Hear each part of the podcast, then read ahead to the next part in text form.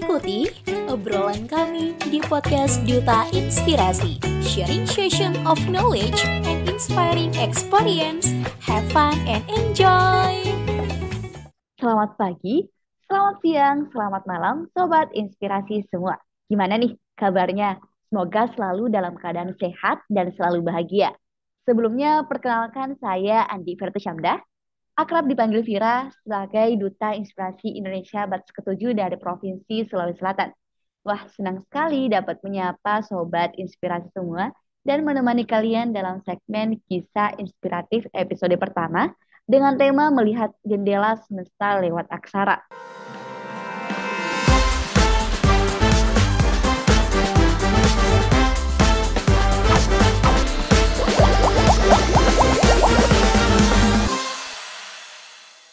Sobat Inspirasi semua pasti sudah tidak asing lagi dengan narasumber kita kali ini yang memiliki segudang inspirasi dan juga prestasi.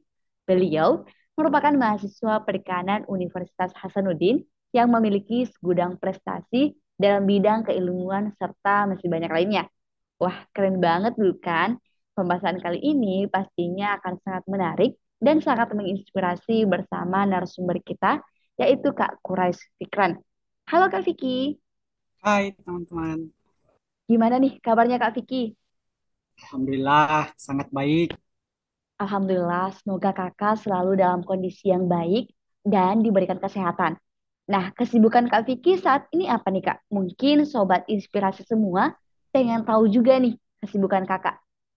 Saya sebagai mahasiswa akhir, ya untuk kesibukan akhir ini saya menyelesaikan tugas akhir, proyek magang juga, dan juga tugas riset di kampus.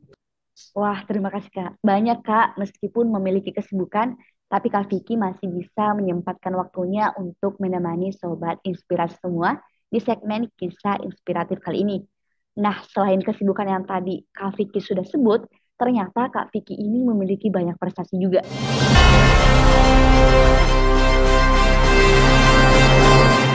Yang pertama, menjadi penanggung jawab dalam kegiatan Scientific Consulting Service UKM KTI Unhas dengan jabatan yaitu melaksanakan pendampingan konsultasi karya ilmiah bagi anggota UKM KTI Unhas selama 8 bulan dan berjumlah 14 karya.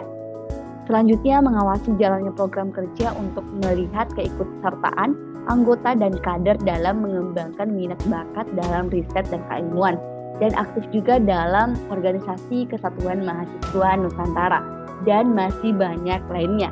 Luar biasa keren banget ya sobat inspirasi prestasi dari Kak Vicky. Semoga aku dan sobat inspirasi semua bisa menjadikan ini sebagai motivasi untuk menjadi lebih baik ke depannya. Baiklah, sesuai dengan tema yang diangkat kali ini melihat jendela semesta lewat aksara. Nah, menurut Kak Vicky sendiri, seberapa penting sih kita mengetahui sistem kepenulisan yang selama ini digunakan oleh manusia untuk berkomunikasi? Mungkin saya sedikit kan kita dapat ketahui bahwa secara garis besar kita berbicara, kita mengungkapkan pendapat ataupun mengekspresikan pikiran-pikiran kita itu melalui bal.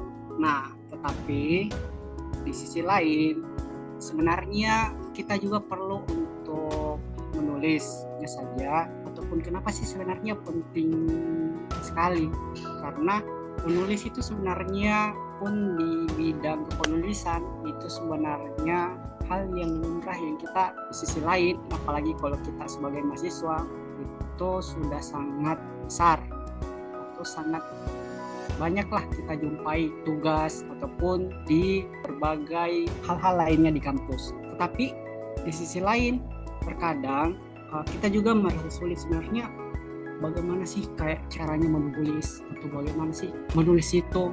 Dan sebenarnya alasan apa sih sebenarnya kita itu menulis? Mungkin itu uh, setiap orang punya pendapat masing-masing. Setiap orang juga punya alasan sendiri. Tapi secara umum bahwa menulis itu juga kita bisa mengekspresikan diri. Kita juga bisa mengekspresikan hal-hal pendapat kita, isi dan gagasan kita. Ini meskipun dari sisi lain, sistem kepenulisan yang kita lihat di berbagai hal banyak sekali. seperti background saya mungkin itu di bagian riset dan atau bisa juga di hal-hal yang berbau ilmiah. Ini adalah ketika kita bicara menulis mungkin itu di harus sistematis, harus secara runtut dan juga secara fleksibel. Nah, seperti itu kira-kira. Wah, ternyata sangat penting bagi kita semua untuk paham mengenai kepenulisan itu sendiri. Gimana nih sobat inspirasi? Ternyata aksara juga jauh lebih penting, apalagi dalam hal berkomunikasi. Nah, lanjut. Menurut kakak sendiri, apa sih yang membuat Kak Vicky ini tertarik dalam bidang keilmuan atau kepenulisan? Padahal banyak loh di luar sana yang menghindari atau lebih memilih bidang lainnya. Pertama sih sebenarnya dulu itu saya suka membaca atau lebih tepatnya itu itu menjadi hobi saya sebenarnya dari dulu kuliah ataupun pada saat awal-awal masuk menjadi mahasiswa itu kita dituntut untuk menjadi sebuah berpikir kritis. Nah, bagaimana cara mengembangkan pikiran? Bagaimana cara mengembangkan sebuah ide? Nah, untuk menuangkan sebuah ide ataupun gagasan yang kita dapat, pengetahuan yang kita peroleh itu agar bisa dilihat orang, agar bisa kita mentransfer ilmu ke berbagai orang itu lewat tulisan. Namanya dari awal pas masuk kuliah itu memang sudah dilibatkan kayak tugas ataupun laporan yang memang kita dituntut. Tapi di sisi lain sebenarnya saya juga aktif di organisasi. Aktifnya itu di seperti yang sudah disebutkan tadi oleh kawan kita yaitu aktif di salah satu unit kegiatan mahasiswa keilmuan dan penalaran atau UKM tingkat fakultas yang notabene ataupun secara lingkungan teman-teman yang memang wah dalam ketulisan ataupun dalam berpikir kritis lah istilahnya. Situlah tempat pengembangan keilmuan dan kepenulisan saya. Karena dari sisi lingkungan kita memang dituntut untuk menjadi sebuah agen perubahan dari mahasiswa. Nah, salah satunya adalah lewat tulisan seperti itu kira-kira. Memang sih awalnya agak sedikit berat, paling tidak dari beratnya itu saya sering terus mencoba di lingkungan yang notabene memang menulis terus yang bekerja ataupun berpikir kritis terus menuangkan ide dan gagasan. Ya di sisi lain nah itu menjadi ajang untuk menumbuhkan potensi yang saya miliki. Seperti itu dan akhirnya sampai saat ini. Sebenarnya ketika kita menulis itu seperti menghirup udara. Ah itu terlepas dari tulisan. Tapi kan basisku itu seperti riset dan keilmuan. Ini adalah berbau yang keilmiahan sesuai dengan bidang keilmuan saya. Seperti itu kira-kira. Wah benar banget nih. Dan ya ternyata setiap kita memiliki kemampuan masing-masing. Tetapi tidak ada salahnya juga kan kita menambah pengetahuan dengan belajar pada bidang lainnya. Oh ya kak. Sebelum terjun pada dunia kepenulisan, apa sih yang membuat Kak Vicky ini bisa langsung mendapatkan prestasi yang begitu banyak? Boleh dong Kak Vicky menceritakan secara singkat pengalaman atau perjalanannya sampai bisa di titik ini? Uh, untuk sampai di titik ini mungkin saya memang ini perjalanan yang sangat panjang. Kematian mulai dari saya masuk kuliah itu sudah dihadapkan dengan tugas atau pelaporan dan hal-hal yang memang uh, bersifat kritis di dalam perkuliahan. Tetapi sisi lain ada hal titik di mana yang saya rasakan itu menjadi penting menggali potensi yang saya miliki. Nah, hal yang pertama yang saya lihat itu ketika mahasiswa baru ya, ketika saya masuk kuliah, uh, mungkin ketika saya masuk di kegiatan mahasiswa itu akan bisa menjadikan saya mengembangkan potensi. Sisi lain, saya harus memilih potensi seperti apa yang bisa mendukung potensi saya. Awal masuk kuliah memang saya langsung masuk di uh, UKM berbasis keilmuan dan penalaran ilmiah yang UKM ini dia tingkat universitas. Jadi ketika saya masuk dan ternyata wah cocok sekali di bidang ini karena lingkungan yang saya hadapi, lingkungan yang saya rasakan di organisasi ini itu sangat mendukung dari potensi saya di mana itu bisa teman-teman ataupun kakak-kakak senior yang saya lihat itu sudah pergi ke negeri, ke luar daerah. Bahkan setiap bulan itu mungkin ada beberapa orang yang pergi. Situlah saya mulai tertarik, kok kenapa bisa mereka seperti ini? Padahal mereka itu hanya berprestasi lewat tulisan. Situlah ajang pertama saya masih mahasiswa baru ya. Di tahun pertama mengikuti, mencoba menulis, menuangkan ide dan gagasan. Alhamdulillah beri kesempatan lomba, lomba ini salah satu itu kalau tidak salah di Jakarta dulu. Tulisan pertama itu bersifat esai populer ilmiah. Ada sebuah ide atau inovasi saya tuangkan lewat gagasan dan dan diperlombakan. Situlah pengalaman saya. Setelah saya merasakan situ bilang wah enak ya meskipun kemarin saya tidak juara tidak mendapatkan prestasi, tetapi pengalaman yang saya dapatkan itu sangat membuat terpacu lagi ingin ikut kembali. Akhirnya uh, di berbagai kesempatan lagi saya mengajak teman-teman saya dan juga dibimbing oleh beberapa kakak yang lain maupun teman-teman kita ikut lagi kembali gagal tahun berikutnya diberi kesempatan ke Bandung diikuti lagi lomba esai ilmiah populer. Juga alhamdulillah di situ masih belum bisa di, masih belum bisa mendapatkan lagi penghargaan tapi selain itu menjadi pengalaman luar biasa bahwa saya sudah sampai di titik ini dan meskipun gagal itu saya coba lagi. Tahun-tahun berikutnya untuk mengikuti berbagai bidang yang diadakan di kampus ataupun di kementerian salah satunya itu di program kreativitas mahasiswa.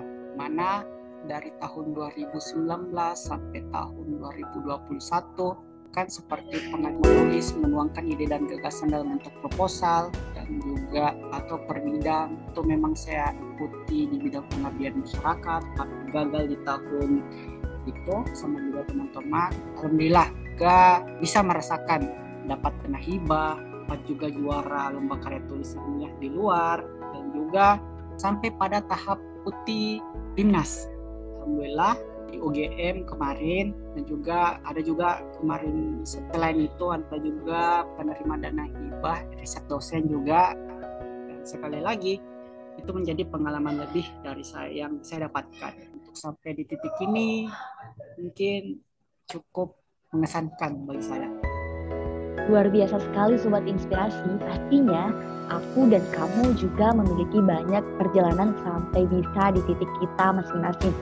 Nah, pertanyaan terakhir nih, menurut kakak sendiri apa sih tips dan trik supaya kita bisa komitmen terhadap target yang kita punya? Mungkin sedikit pesan pada saya, memang kalau kita ingin menghadapi sesuatu, itu seharusnya kita menggali dulu potensi dari diri kita. Seperti apa sih sebenarnya yang kita ingin capai dan ingin kita lakukan dan ingin kita gali dalam diri kita. Ikutilah berbagai bidang, entah kalau misalnya kita seni maupun di bagian penulisan terus menumbuhkan potensi tersebut menemukannya dengan cara terus mengikutinya nah, seperti yang di dalam buku Atomic Habits ataupun juga ada perkataan di dalamnya bilang ketika kamu ingin membangun kebiasaan baru ingin membangun hal-hal yang bersifat jati diri yang kita dapatkan itu kita harus melakukan 10.000 jam. Menggali potensi yang kita miliki maka kita akan menjadi ahli di dalamnya. Selain itu kita harus fokus ke menghadapi itu menghadapi hal yang di mana potensi kita tuh menjadi terhambat atau menjadi hal-hal yang bersifat kurang memadai ini adalah ketika kita hadapi terus dengan fokus kita bisa insya Allah mampu menghadapinya Selain itu, selain fokus, jangan lupa juga kita terus mencoba. Ketika kita kegagalan yang kita dapatkan, dapat jatuh dan hal-hal yang lain bersifat kita kecewa, itu jangan berhenti pada saat itu. Terus bangkit kembali, terus hadapi kembali apa yang menjadi inginkan dari diri kita. Gali potensi dengan terus mencoba. Jadi kesimpulannya pertama adalah ekspor potensi dan gali potensi yang kita miliki fokus pada arah dan tujuan sesuai dengan potensi yang kita miliki dan juga jangan lupa terus mencoba itu yang saya bisa bagi. Nah, itu tadi tips dan trik yang sangat bermanfaat dari Kak Vicky ya Sobat Inspirasi. Gimana nih? Pasti kalian mulai tertarik pada bidang kepenulisan dan juga terinspirasi dari Kak Vicky. Semoga kisah dan sharing dari Kak Vicky bisa menjadi inspirasi bagi sobat inspirasi semuanya. Ya, tidak terasa kita ternyata sudah banyak mendengarkan sharing yang sangat menarik dari Kak Vicky. Akhirnya kita sudah di penghujung acara kisah inspiratif episode pertama kali ini dan bersama narasumber kita Kak Vicky. Bagaimana Sobat Inspirasi semua? Pembahasan kali ini sangat menginspirasi sekali bukan? Nah, semoga apa yang sudah disampaikan oleh Kak Vicky tadi dapat menjadi pelajaran penting bagi Sobat Inspirasi semua. Nah, karena kita sudah di penghujung jalan nih, boleh dong Kak Vicky memberikan closing statement atau pesan inspiratif untuk pendengar setiap podcast Duta Inspirasi pada episode kali ini. Mungkin dari saya kan teman-teman apa yang ada di dalam diri kembangkan selalu capai tujuannya teman-teman sesuai dengan passion dan potensi teman-teman miliki. Ada kutipan yang menarik dari saya dapatkan, ikatlah ilmu lewat tulisan adalah pengetahuan yang teman-teman miliki, pengetahuan ide dan gagasan yang teman-teman dapatkan, itu baiknya kita laksanakan lewat tulisan. Mungkin itu saja dari saya. Terima kasih banyak untuk kesempatan kali ini. Wah, terima kasih banyak Kak Vicky atas pesan inspiratifnya. Semoga dapat kita ambil pesan positif yang sudah disampaikan oleh Kak Vicky ya Sobat Inspirasi. Terakhir lagi nih Kak, boleh dong Kak Vicky bagi username sosial media Kak Vicky. Siapa tahu sobat inspirasi semua nih masih pengen tanya-tanya ke Kak Vicky langsung. Eh, boleh boleh. Oh, untuk media sosial, kalau di Instagram silahkan follow di akun saya Kak Titik Fikran. Juga oh, untuk di Twitter juga bisa di Kurais F dan itu saja mungkin. Nah, itu ya guys, sosial media dari Kak Vicky yang bisa kalian hubungi.